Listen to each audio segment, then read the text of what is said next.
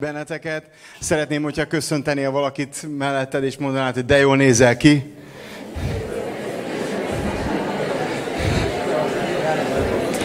Hogyha na, annyira őszintén nem tudod ezt mondani, akkor mondd hitáltal.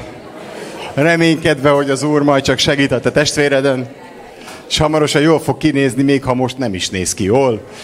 De már szellemben látjuk azt a jövőt, amit az Isten elkészített neki. Hát nagyon köszönöm a lehetőséget és megtiszteltetés, hogy ezen a karácsonyi időszakon én is szólhatom az Istennek a beszédét, és uh, majd hamarosan mondom, hogy miről lesz szó, de igazából az forgott bennem, hogy újra és újra bátorítsalak benneteket arra, hogy ez a karácsony, ez többről szól, mint a szaladgálás, a beszerzések, az ügyintézés, a kajaszervezés, az ajándékvásárlás, az aggódás arra, hogy jó lesz-e a kaja, az aggódás amiatt, hogy örülni fognak-e az ajándéknak, hogy lesz-e fenyőfa, jó lesz-e a fenyőfa, föl van ez díszítve rendesen, az a csillag oda került-e, vagy 10 centivel arrébb kellett volna tenni. Az én kedves szüleim minden évben ezen összevesznek ezzel kapcsolatosan. És tulajdonképpen, hát őszintén szóval a karácsony ez mind része, de hát nem erről szól a karácsony. A karácsony arról szól, hogy az örökkévaló meglátogatta a Földet. És ha nem lenne fenyőfánk, aminek egyébként semmiféle bibliai tartalma nincsen, ezt tudjátok jól, nem tartom bálványimádásnak, mielőtt megkövezitek a szabkergyűlit, mert volt már, aki itt hagyta a szerény közönségünket. Egyébként örültünk is neki. Amiatt, hogy fenyőfát állítunk, nem gondoljuk ezt a fenyőfát imádnivalónak, szép dekorációnak tartjuk, és azt is tudjuk, hogy a december 25-ének semmi köze Jézus születésnapjához valószínűleg nem ekkor született, szóval ezzel tisztában vagyunk, de az biztos, hogy örömmel ünnepeljük meg azt, hogy az Úr Jézus megszületett. És örömmel tartunk egy születésnapi partit, és egymást fogjuk megajándékozni, és egyébként ünnepelni fogunk, és finom ételeket fogunk enni, de közben el ne felejtsük azt, hogy az egész arról szól, hogy az Urat ünnepeljük, és az ő jelenlétét akarjuk ö, megragadni. Úgyhogy a mai üzenetemnek az a címe, hogy hol lakik az Úr? Hol lakik az Úr? Ez egy, ez persze, hát válaszoljuk meg szívünkben, és akkor imádkoznánk, és akkor megyünk haza. Egy kicsit kifejtem azért ehhez képest, jó? Szóval igazából ez mindig egy nagyon-nagyon fontos kérdés, és sok mindenki keresi ezt a dolgot, és egy picit körbe fogjuk ezt járni, ahogy olvasom az Istennek a beszédét újra és újra, egy csomó igevers beszélt nekem erről, és egy néhányat meg fogok ezekből osztani, azzal kapcsolatban, hogy milyen fontos az, hogy Isten ott lakjon az életünkben. És uh, tulajdonképpen ez ma egy nagyon fontos kérdés, hogy hol lakik az Úr, meg lehet-e őt találni, van-e esetleg egy lakcím, amit meg tudnánk adni, egy pontos koordináta a GPS számára. Uh, be tudjuk ezt határolni, mert nekünk igazából, mint hívő embereknek erre nagyon nagy szükségünk van, hogy tudjuk az Isten lakóhelyét, és uh, megtaláljuk ezt a, ezt, a, ezt a jelenlétet. Szóval ez az üzenetem, amit szeretnék nektek továbbadni, és induljunk el akkor a karácsonyi történet történetből, ha már itt vagyunk egy héttel karácsony előtt. Lukács 2, 4-től 7-ig. Azt olvassuk az igében, József is elindult a galileai Názáretből, hogy júdeai Betlehembe menjen, Dávid király szülővárosába. József ugyanis Dávid családjából származott, vele utazott eljegyzett menyasszonya, Mária is, aki gyermeket várt. Amíg Betlehembe voltak, elérkezett Mária szülésének ideje. Meg is szülte elsőszülött fiát, bepóját és jászolba fektette, mivel a szálláson nem volt hely a számukra. Távol legyen tőlem, hogy elkezdjem kiszínezni a szegény Máriát, meg Józsefet, ahogy Betlehembe bolyonganak, és sehol nem fogadják, és becsapják az ajtót előttük. Nem tudjuk pontosan, hogy történt. Annyit ír csak az ige, hogy végül is egy istálóba húzták meg magukat, és ott találtak egy helyet, ahol az Isten egyszülött fia beköltözött a földi létbe, teljes valójában. Ez mennyire különleges. Az Isten igéje azt mondja, hogy ez valami egészen korszakalkotó, az egész világ mindenségben, az egész univerzumban egyedülálló esemény volt, hogy az Isten fia megszületett. Mégiscsak ez egy pici helyen történt, egy pici, tulajdonképpen jelentéktelen kis városban. Ha Betlehemben ne született volna a názálti Jézus, azt se tudnánk, hogy van ilyen kis falu. Igaz? Fogalmunk nem lenne róla. Nyilván az igében van egy-két történet ezzel kapcsolatban, akár a Ruth könyvét, ha olvassátok, de ettől függetlenül ez a, ez a kis város, ez nem lenne érdekes. Onnantól kezdve érdekes, hogy az Isten az egyszülött fiát elküldte ebbe a kis helyre. És elküldte, és hagyta, és ezt szeretném elsőnek megragadni, hagyta, hogy egy istálóba szülessen meg. Ahogy olvasjuk a történetet, nem tudjuk, hogy hogy zajlik, de egyáltalán nem olvasunk arról, hogy Mária és József milyen panasz áradatot zúdított volna Istenre, a napkeleti bölcsekre, vagy a pásztorokra, hogy hogy történhetett meg, hogy az Isten fia ilyen körülmények között szülessen meg. Amikor azt keresünk, hogy hol lakik az Úr, Istennek nincsenek ilyen különleges elvárásai hogy ő különleges körülmények között akar lakni. Vannak olyan ö, sztárok, celebek, néha még a hívők között is előfordulnak, akik azt mondják, hát ha én megyek, akkor csak első osztályon utazhatom, akkor itt utal, akkor ilyen szállodába, ilyen, hát ismerek olyat, aki megadta, hogy milyen széles legyen az ágy a szállodába, amit, amit foglalok neki, és ez valahogy olyan természetesnek tűnik bizonyos körökben, hogy ezt, ezt így kell megcsinálni. Bognár Jelő barátom egyszer mesélt, inkább nem mondom meg, hogy kiről van szó, mert ismertétek, de Ausztráliába, és alig talált olyan szállodát, hogy volt akkora ágy, hogy a szegény szolgáló lehajtsa a fejét. Az Úr Jézus pedig találtak egy alkalmatos, ilyen széna tárolására alkalmas kis kerevetet, egy kis jászot, és belerakták. Na most a baba mit érzett ebből? Semmit. A babának mire volt szüksége? Arra, hogy ott legyen az anyukája, adjon neki enni, tegye tisztába, hallja az apukájának a hangját, és hallja, hogy itt rendben van a család, és aztán bármi történhet. Én tudom, nagyon kalandos életet éltünk a feleségemmel mindig is, és egyre másra jöttek a gyerekek, már nem is tudtam számolni egy idő után, hogy mennyi van belőlük. És, és ahogy jöttek a gyerekek, egyszerűen mindig ez a nagy kérdés, de hát mi lesz szegény gyerekkel, hogyha mi állandóan úton vagyunk, a Gyülis rég régebbi tagjai még emlékeznek, egy nagyszerű Warburgunk volt, több is, kelet-német csoda, és, és hát, hogy mi lesz ezzel a gyerekkel, és rájöttünk, hogy a gyerekeinknek az a legjobb, ha ott vagyunk mi akkor ők biztonságban vannak. Teljesen mindegy, hogy hol vagyunk, teljesen mindegy, hogy milyen időszak van, hallják apa, anya hangját, hallják, hogy békesség van, nyugalom van, akkor ők borzasztó rugalmasak. És mégis mi, a mi életünkben hányszor panaszkodunk, Uram, hát hogy engedheted meg az Isten, hogyan engedhette meg, hogy ilyen körülmények legyenek? De az Isten megengedheti. Itt ettől függetlenül az Isten még ott lakik. Ő beköltözik egy betlehemi istálóba is. A boci mellé, a többiek, akik ott laknak, disznó nem volt, ez zsidó környék volt. Úgyhogy nem forgott malac nyárson. szóval beköltöztek oda, és ott azon a helyen volt az Istennek a lakása. És amikor a pásztorok meghallották ennek a, az üzenetét az angyaloktól, hogy megkeressék, akkor itt találták meg. Hol lakik az Úr? Betlehemben. Ott meg fogjátok találni. Amikor a napkeleti bölcsek követték a csillagot, amely elvezette őket ehhez a jászolhoz, akkor azt mondták, itt találom meg az Urat, mert itt lakik az Úr és nem valami fényes palotában, nem valami különleges helyen. És azt gondolom, bármilyen is lesz az idei karácsonyunk, és bármilyen helyzetben vagy te most, bármilyen időszakot élsz meg, lehet, hogy most e, könnyű e, dolga, dolgod van összehasonlítva sok évvel korábbi helyzethez, mert e, van e, olyan anyagi lehetőséget, hogy méltó megünnepeld. Lehet, hogy most azon gondolkozol, hogy hogy fogod túlélni a karácsonyt. De ettől függetlenül, hagy mondjam el neked, a legnagyobb nehézség nehézségek között is azt tudod mondani, de az Isten ott van velem. és ott lakhat velünk az Úr. Ez a karácsony telhet Istennek a teljes jelenlétében, függetlenül attól, hogy mi zajlik körülöttünk, és mi vesz körbe bennünket. Tudtok erre álmet mondani?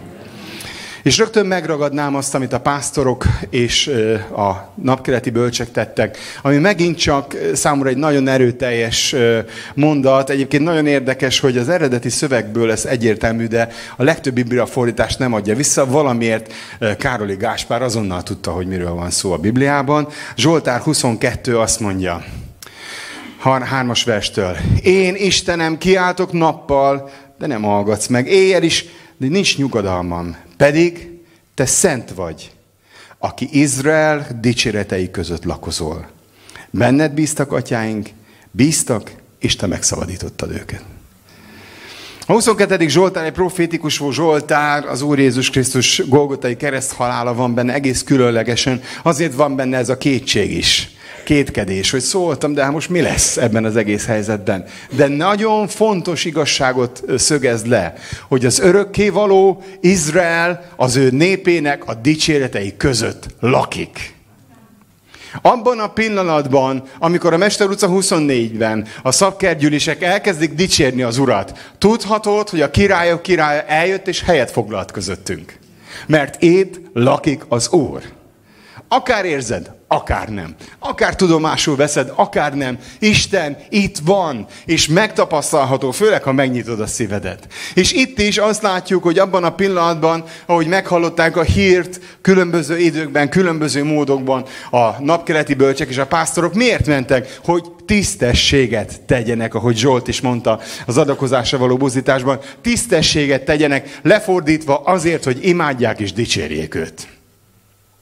A napkeleti bölcsek hozták a vagyonukat, a királyoknak járó ajándékot, és azzal dicsérték. A pásztorok igazából nem tudjuk, vannak regéink, hogy vittek kegyeret, sajtot, meg kis juhocskát, meg sok minden, de a Bibliában csak azt olvasjuk, a szavaikat tudták hozni.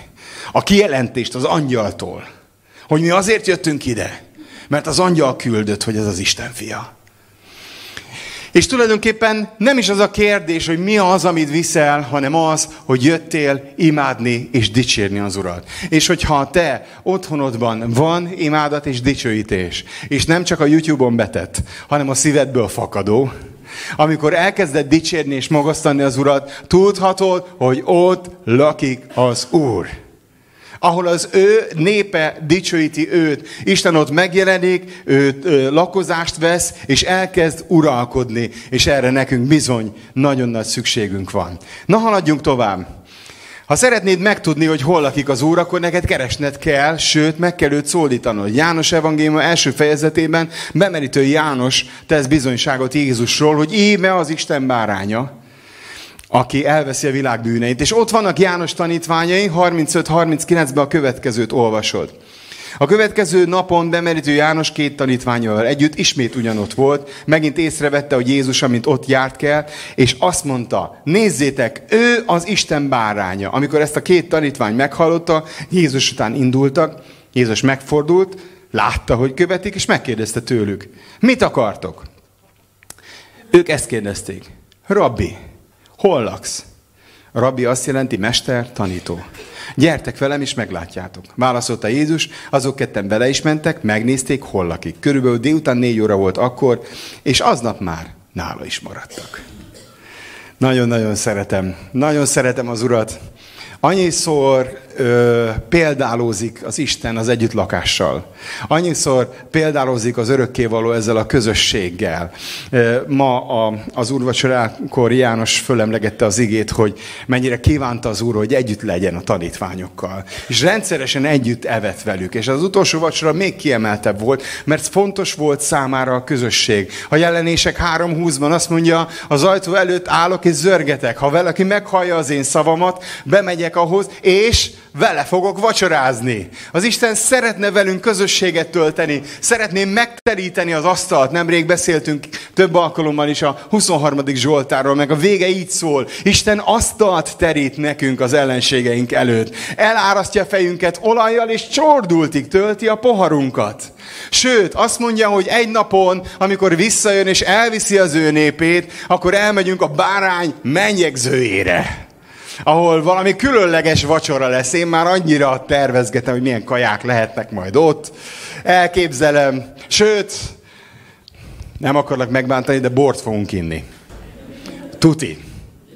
A pánika nem valószínű, a sörbe is vannak kétségeim, de a borról kijelentésem van a Bibliából. Biztos, hogy fogunk inni bort, már pedig olyat, amit az Úr Jézus készít, és ezt nagyon jól csinálja, még vízből is.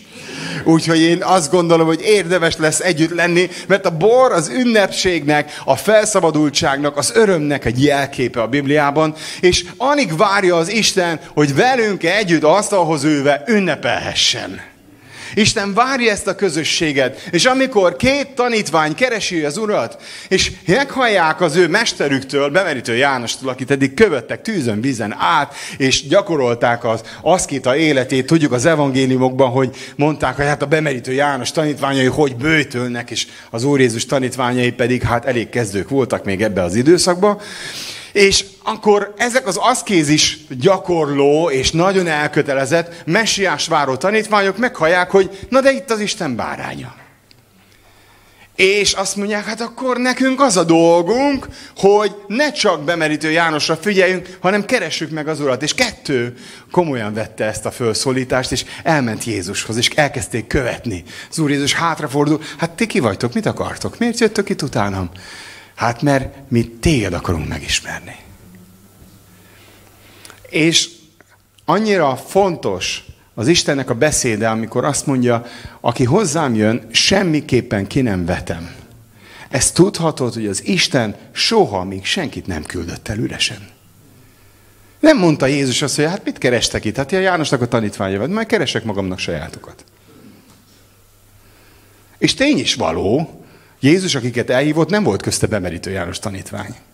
Azokat mind ő kereste, és hívta el a halász háló mellől, a vámszedő asztaltól. Ezek nem lettek később az ő nagy tanítványai, de amikor megkeresték az urat, hogy szeretnénk veled beszélni, azt mondta az úr, nyitva van az ajtó. Amikor te megkeresed az urat, hogy uram, hol laksz? Kíváncsi vagyok. Azt mondja, gyere és nézd meg. Gyere és nézd meg! És nálam maradtak, nem rúgtak ki őket, hogy gyerekek, meccs van este, menjetek haza, hanem azt mondta, gyertek, legyetek itt, beszélgessünk. Ismerjétek meg az örökkévalónak a csodálatos tervét. Szóval legyen benned keresés, legyen benned kíváncsiság, és keresd meg az Urat, és szólítsd meg őt, mert erre hívott el bennünket, mert az Isten megtalálható. Az Isten megtalálható. Senki nem mondja, hogy messze van. Erről szól a következő igeversünk, Ézsaiás 57, 14, 15. Azt mondja Ézsaiás, készítsétek az utat, készítsétek és egyengessétek, hordjátok el népem útjából az akadályokat.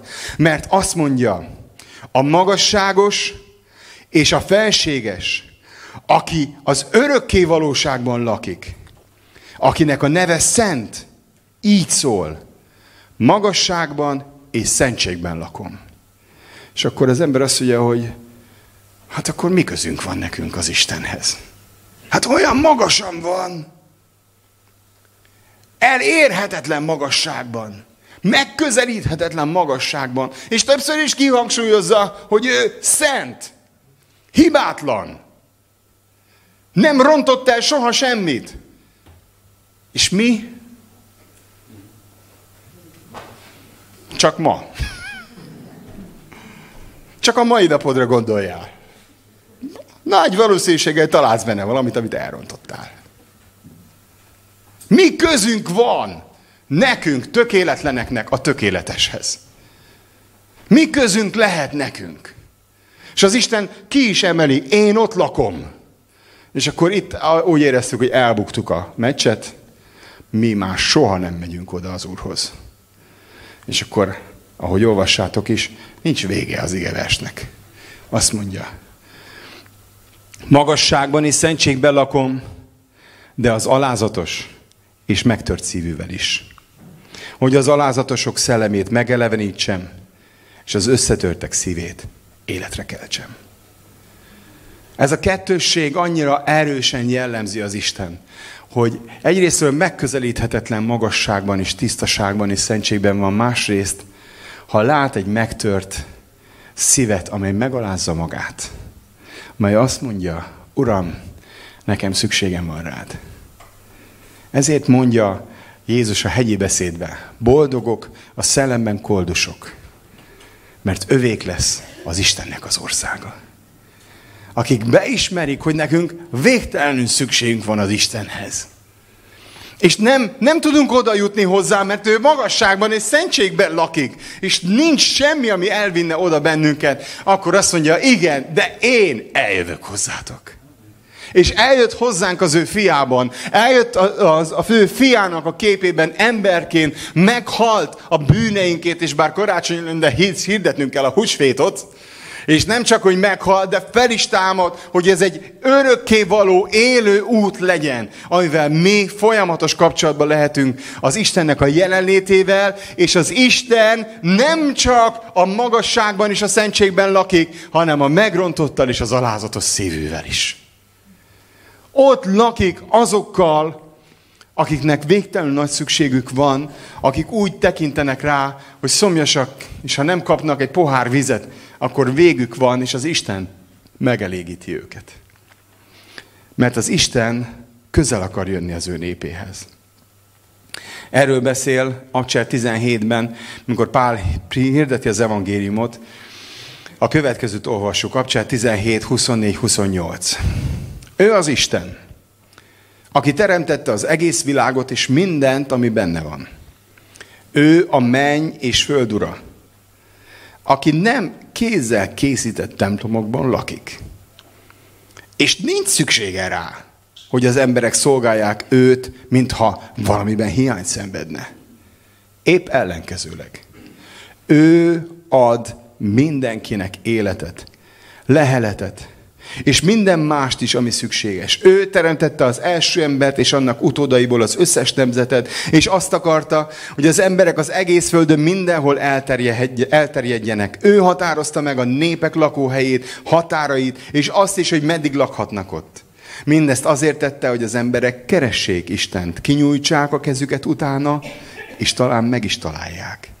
Pedig nincs messze egyikünktől sem. Mert ő benne élünk, mozgunk és vagyunk. Az Isten nincsen messze.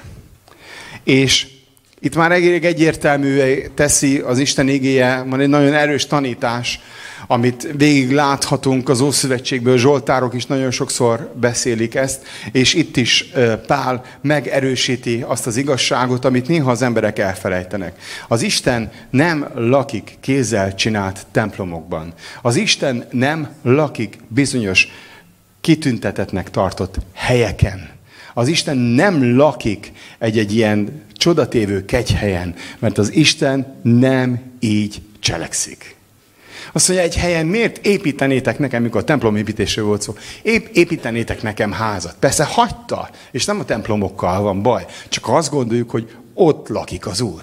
Isten azt mondja, miért építenétek nekem, hiszen a föld a lábaimnak a zsámolja. Hát hogy gondolod, hogy én abba templomba bármit is kezdenék.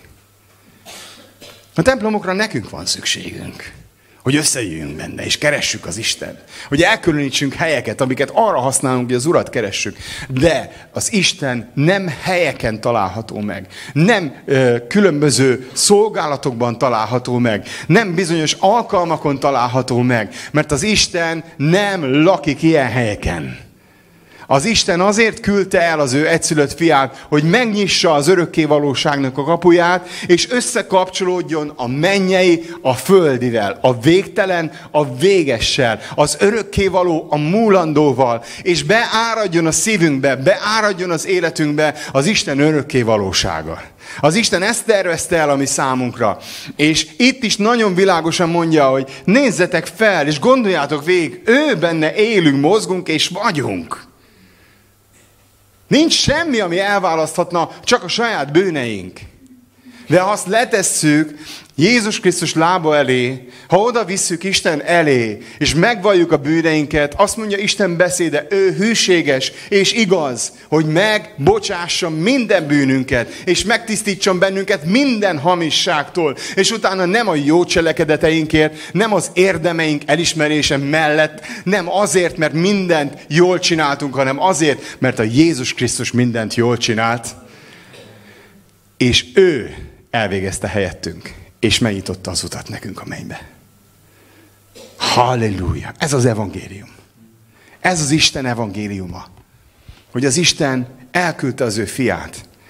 És az, hogy ő benne élünk, mozgunk és vagyunk, ez igaz mindenkire, de csak azt tapasztalja meg, aki megnyitja a szívét. Aki megnyitja az életét az örökkévaló előtt. Ha ezen a mai napon van esetleg olyan közöttünk, aki azt mondja, hát ezt most még nem tudom hova tenni, nem tudom, hogy, hogy mit jelent ez, hogy Jézus bennünk él. Szeretném megmondani neked, hogy semmi más nem jelent. Csak megnyitod a szívedet, és azt mondod az Úrnak, hogy Uram, lépj be az életembe. Lépj be az életembe. És ő nem fog elküldeni. Nem fogja azt mondani, ó, hát majd gyere el a szabkertbe ötször, és ma hatodikon majd megtérhetsz. Na, ne, ne, ne. Ahogy láttátok, a két tanítvány megkérdezték, hol laksz? Gyertek, nézzétek meg. Mennyit tud a szíved, és azt mondja, Uram, lép be az életembe. Nem tudod, hogy mi fog történni. Én se tudtam annak idején, csak ezt tudtam, hogy milyen jó lenne ezt kimondani. Kimondtam, és az Úr beköltözött az életembe. Annyira egyértelművé tette, hogy most már ő itt lakik, hogy nagyon meglepődtem. Erre nem számítottam. És csak ajánlani tudom neked, mert ez egy jó élet, amikor az Istennel együtt lehet élni. Amikor az Istennel együtt lakunk, az az izgalmas, hogy az Isten akkor részt vesz mindenbe. Ennek vagy örülsz, vagy nem. De ez azt jelenti, hát ő is családtag. Ott lakik a házunkba. Velünk van, akkor is, amikor fürödni mész, amikor fogat mosol, akkor is, amikor főzöl, amikor mosogatsz utána, és nem örülsz, hogy ilyen sok mindent kell mosogatni utána. Veled van akkor is, amikor porszívozol, amikor takarítasz, amikor fáradt vagy, amikor jó kedved van, amikor sorozatokat nézel. Vigyázz! Hát nehogy azt hitt, hogy akkor kimegy a házból, Visszajövök, ha vége a Dallasnak.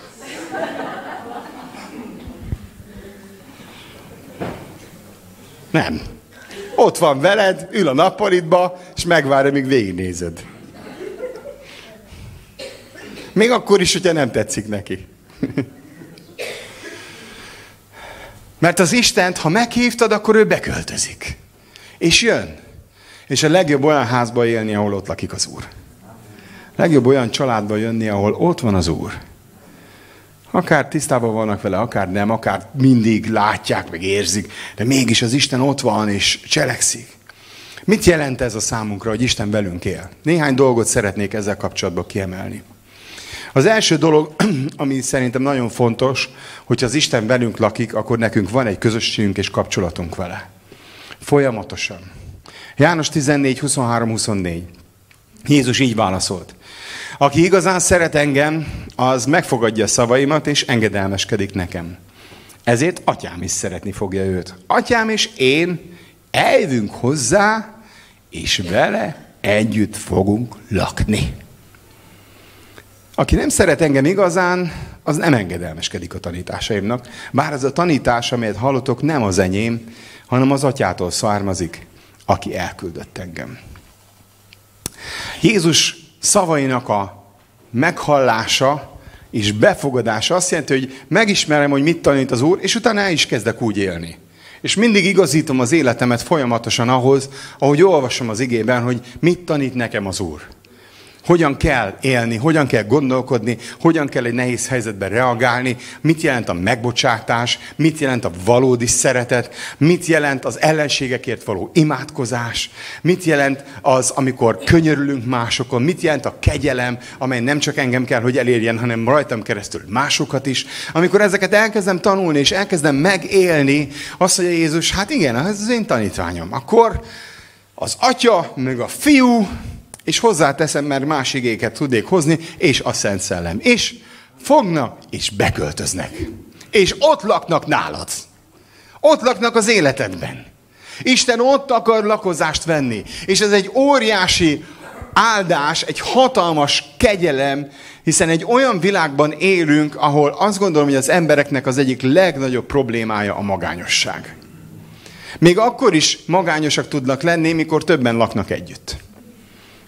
Ezt úgy hívják, hogy társas magány. Már kifejezés is van rá. Mindenki nézi a kütyüjét, el van a saját dolgában, nincs kommunikáció, nincs kapcsolat, nincs beszélgetés, nincs a szívnek a mély kijöntése és megosztása, mert a Facebook erre alkalmatlan. Ezt itt nem találták föl. Ez nem működik. Ahhoz mindenképpen face-to-face kell találkoznunk, hogy a szív is kiderüljön. És emberek élnek magányosan elszigetelve, és természetesen egyre depressziósabbak, egyre több félelem van bennük, egyre több kiábrándultság, és egyre több frusztráció. De amikor az Isten velem lakik, lehet, hogy nem is lakik mellettem senki más. És szeretnék most azokhoz is szólni, akik lehet, hogy ezt a karácsonyt most egyedül fogod tölteni. Lehet, hogy először, lehet, hogy már sok éve, és már gyakorlott vagy benne, hogy milyen ez. Hogy hogy néz ki. De hagyd mondjam el neked, ha az Isten veled lakik, nem vagy egyedül. Ha az Isten veled lakik, ott lakik veled az Atya, a Fiú és a Szent Szellem. Akkor már egész szép kis csapat vagytok együtt. Egész jól le lehet kommunikálni, el lehet beszélgetni, Kiöntheted az Úrnak a szívedet. Elmondhatod azt, amit téged zavar. Elmondhatod az örömeidet. Nyugodtan fölszabadítalak, hogy beszélj magadban. Ne gondold azt, hogy megzakkantál, mert ott van veled az Úr. Amen. Csak azt gondolja, hogy megzakkantál, aki nem tudja, hogy veled van az Úr.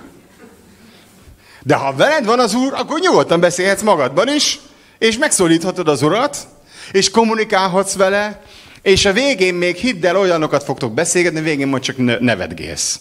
És nézik, ú, tényleg vagy baj van. Mert már most nagyon vidám lett.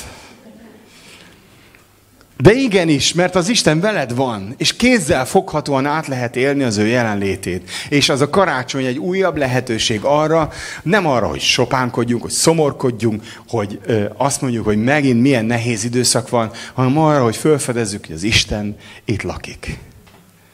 Itt lakik velünk az Úr. Hogyha mi az ő tanítványai vagyunk, ha szeretjük őt, és ezt kifejezzük az, hogy megtartjuk az ő beszédét, akkor ő jön. Ugyanezt folytatja János 15.4.8. Maradjatok velem, és lak- lakjatok bennem. Ahogyan a szőlővesző is a szőlőtövén marad, akkor én is bennetek maradok. A szőlővesző sem teremhet gyümölcsöt magában, csak ha a szőlő tövén marad. Ugyanúgy ti is csak akkor teremhettek gyümölcsöt, ha bennem maradtok. Igen, én vagyok a szőlőtő, és ti vagytok a veszőim. Aki bennem lakik, és én ő benne, a sok gyümölcsöt terem. Nélkülem azonban semmit sem tehettek. Ha valaki nem marad bennem, azt félredobják, mint a lemetszett veszőt, és megszárad. Ezután a száraz veszőket összegyűjtik, tűzre dobják, és megégnek. Ha viszont bennem éltek, és a tanításaim bennetek élnek, akármit kértek, megkapjátok. Amikor sok gyümölcsöt teremtek, atyánnak szereztek vele dicsőséget, és ebből látszik majd, hogy az én tanítványaim vagytok. Lakj ő benne. Lakj Jézusban. Egyszer legyen annyira szoros a kapcsolatod, mint a szőlőveszőnek a szőlőtőkével. Legyen olyan szoros a kapcsolat, hogy az Istennek a szelleme folyamatosan tudjon beléd áramolni. És higgyétek el, erre borzasztó nagy szükségünk van. Újra és újra szerintem nincs olyan ige hirdetés, hogy ne bátorítanálak benneteket arra, hogy legyen közös időtök az Úrral minden nap. Minden nap. Mondom, minden nap. Elhiszed? Néha nem hiszik el. Azt gondolják, elég, hogy gyülibe járunk. Elég, ha egyszer néha kinyitjuk a Bibliát. Nem elég. Lehet, hogy csak én érzem, de főleg amióta mindenféle felelős beosztásba belekerültem, és rám tettek még terheket, meg gondolták, majd bírom, azóta rájöttem, hogy hát abból én nem engedek, hogy reggel. El voltunk szolgálni valahol sok száz kilométerre innen, egy nagy csapattal az elmúlt hetekben valamikor, és akkor Hát volt nagy összejövetel, mindig késő este mentünk aludni. Én azért viszonylag hamar, tudjátok, ismeritek, hogy milyen típus vagyok. Elég hamar azért elmentem, és akkor aki együtt laktam, meg, megjegyezte, most miért keltél föl? Hát mondom, mert reggel van. Hát oké, okay, de de most fogsz készülni az ige hirdetésre? Mondom, az elég nagy baj, ha én most, most fogok készülni az ige, az, az, az Isten őrizzen engem, abból nagyon fura dolgok fognak kísérni. Nem, lemegyek Bibliát olvasni és imádkozni. Majdnem megkérdezte azt minek. Nem, nem kérdezte meg, de megleptem, azt láttam. És tudom, hogy rajtam kívül nem volt ott senki a reggeli csendesség idejében. Emlékszem, a, én, én ilyen gyüliben nőttem föl, a gyülitáborba mentünk, akkor kora reggel, hatkor tele volt az egész mező, és mindenütt egy testvér imádkozott a Bibliájával. Én így lettem szocializálva. Aztán utána, ha mi szabadok vagyunk, szabad keresztények, ugye? Minden szabad nékem, de nem minden használ. És aztán rá kellett döbbennem, ha ez nincs ott az életemben, hogy fogok szembenézni a problémákkal? És olyan ö, élethelyzeteim vannak, amikor nekem minden nap, mikor bemegyek a munkahelyemre, fogalmam nincs, mi fog rám várni. Valaki ezt tudja. Fogalmam nincs. Hogy ez mekkora, baj biztos lesz, de hogy mekkora, és el, nincsen előrejelzés. Tehát senki nem mondta, hogy ez így fog történni. Nem, ezek váratlan, megoldásra való szituációk. Honnan lenne erőm rá, hogy ezeket megoldjam? Csak úgy, hogyha bennem él Jézus. Ha nálam lakik, és én ő benne lakok. Csak így. Szeretteim, ha akartok egy győztes életet, akkor nagy szükségetek van arra, hogy összeforjatok az Úrral. És elengedhetetlen legyen az, hogy az Isten ne tápláljon téged. Az ő beszédével, az ő szelleme által, az ő vele való kapcsolat által. Tudtok erre áment mondani? Ámen. Egy másik nagyon fontos dolog, ami, amit az eredményez az életünkben, hogy együtt lakunk az Úrral. Mert ugye tettem föl ezt a kérdést, hogy hol lakik az Úr? Hát természetesen nálunk. Bennünk, az otthonunkban, a családunkban. Erről is fogok még egy kicsit beszélni. De előtte szeretném azt fölemlíteni, ma reggel fantasztikus bátorítást hallottunk az imáról, és a meghallgatott, és még meg nem hallgatott kéréseinkre. De nézzétek meg, mit ígér eh, királyok első könyve 9. fejezetében a Szent templommal kapcsolatban az Úr Salamonnak. Egy királyok 9.3. Salamon, meghallgattam az imádságodat, és teljesítettem kérésedet, azáltal, hogy nevem itt lakik mindörökké. Megszentelem ezt a házat, amelyet építettél. Állandóan a szemem előtt fogom tartani ezt a házat, és a szívem itt lesz örökre. És ezt arra mondta az Úr Salamonnak, hogy itt, akkor imádkozz. Mert Salamon ezt kérte, hogy legyen ez a hely. Az Úr temploma olyan, ahol ide jön a te néped, és itt imádkozik, akkor az Úr meghallgatja. És aztán ki is terjeszti Salamon, emlékeztek rá, hogy ha véletlenül, nagyon érdekes, hogy ugye az Izrael királyságának a csúcspontján vagyunk. A legfantasztikusabb, és azon imádkozik Salamon. Ha te néped eltérne tőled, és esetleg fogságba vednék. Senki nem tud semmit a fogságról. Senki nem tud sem, minden jó. És Salamon az Isten jelenetében megérti, hogy ennek azért van esélye. És azt mondja, ha a néped elmegy messzire, de úgy imádkozik, hogy a templom felé, emlékeztek Dániel, hogy imádkozott, kinyitotta az ablakot, és kelet felé, a templom felé imádkozott Babilonba, és a templom felé imádkozik, és ide néz a szívében, és azt kéri, Uram, hallgass meg azért a templomért, ami már rég nem a miénk. Hallgass meg, azt mondja, akkor is hallgass meg minket. És hozd vissza ide a te népedet. És akkor amikor az Ószövetségbe felépítik a templomot, még talán ők nem is tudják, hogy ez a templom nem egy kézzel csinált valami. Mert amikor a názereti Jézus eljön ide, azt mondja, roncsátok le a templomot, és három nap alatt fölépítem. És senki nem érti, hogy miről van szó. A tanítványok magyarázzák később, hogy hát saját magáról beszélt. Ő volt a templom. Bár még működött a fizikális templom is, de már rég nem azt a funkciót töltötte be, mint Mózes idejében a sátor, Salamon idejében a templom, vagy Dávid sátora. Már rég nem úgy működött.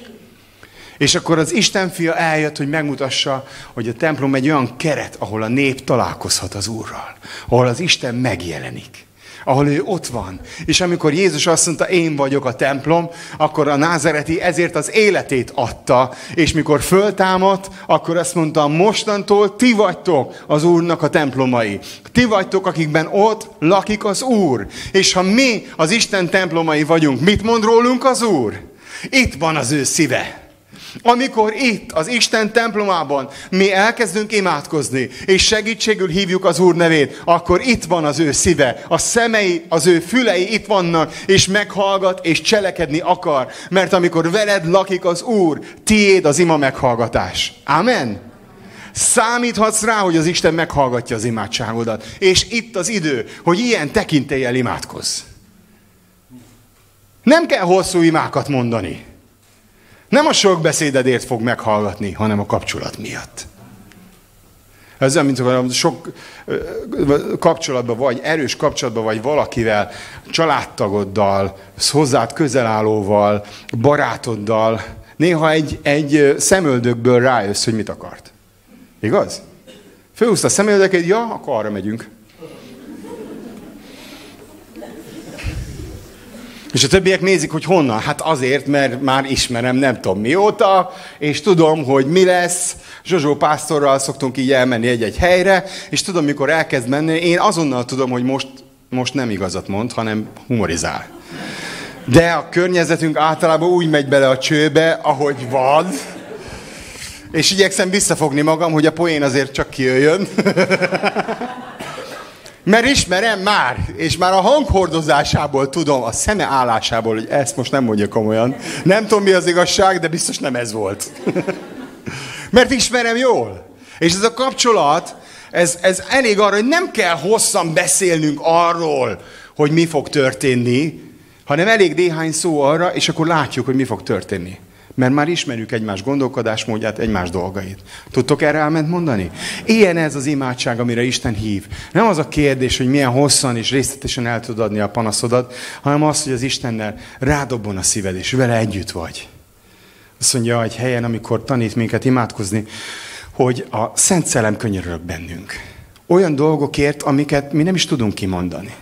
Amikor elkezdesz nyelveken imádkozni dolgokért, teljesen összeforsz az Istennek a jelenlétével, és hagyod, hogy az Úr maga végezze az ő dolgát, és nagy munkákat tudsz elvégezni. A másik, ami nagyon fontos, megint csak Ószövetségi igével, amikor velünk lakik az Úr, a védelem. Nagyon szeretem 91. Zsoltár, csak az elejét olvasom. Aki a felségesnek a rejtek helyén lakik, a mindenható árnyékában nyugszik az, teljes biztonságban. Azt mondom az örökkévalónak, te vagy Istenem, bízom benned, te vagy erős kőváram, benned védelmet találok. Az egész 91. Zsoltárt föl lehetne olvasni, de azt mondja, hogy aki ott lakik, az Isten jelenlétében. És ez lehet, hogy egy betlehemi jászol. Lehet, hogy a te lakótelepi lakásod. Ki mondta, hogy egy lakótelepi lakásban ne költözne be Jézus? Nem olyan finnyás ő. Ő jön, ő belakik, ott lakik. Igen, most ez van. Mert a, nem ez a lényeg, nem maga körülmények, hanem abban a pillanatban, ott van az Úr, ott van a felségesnek a rejteke, ott van a mindenhatónak az árnyéka, és ez egyszerűen körbeveszi az életedet, körbeveszi a szívedet.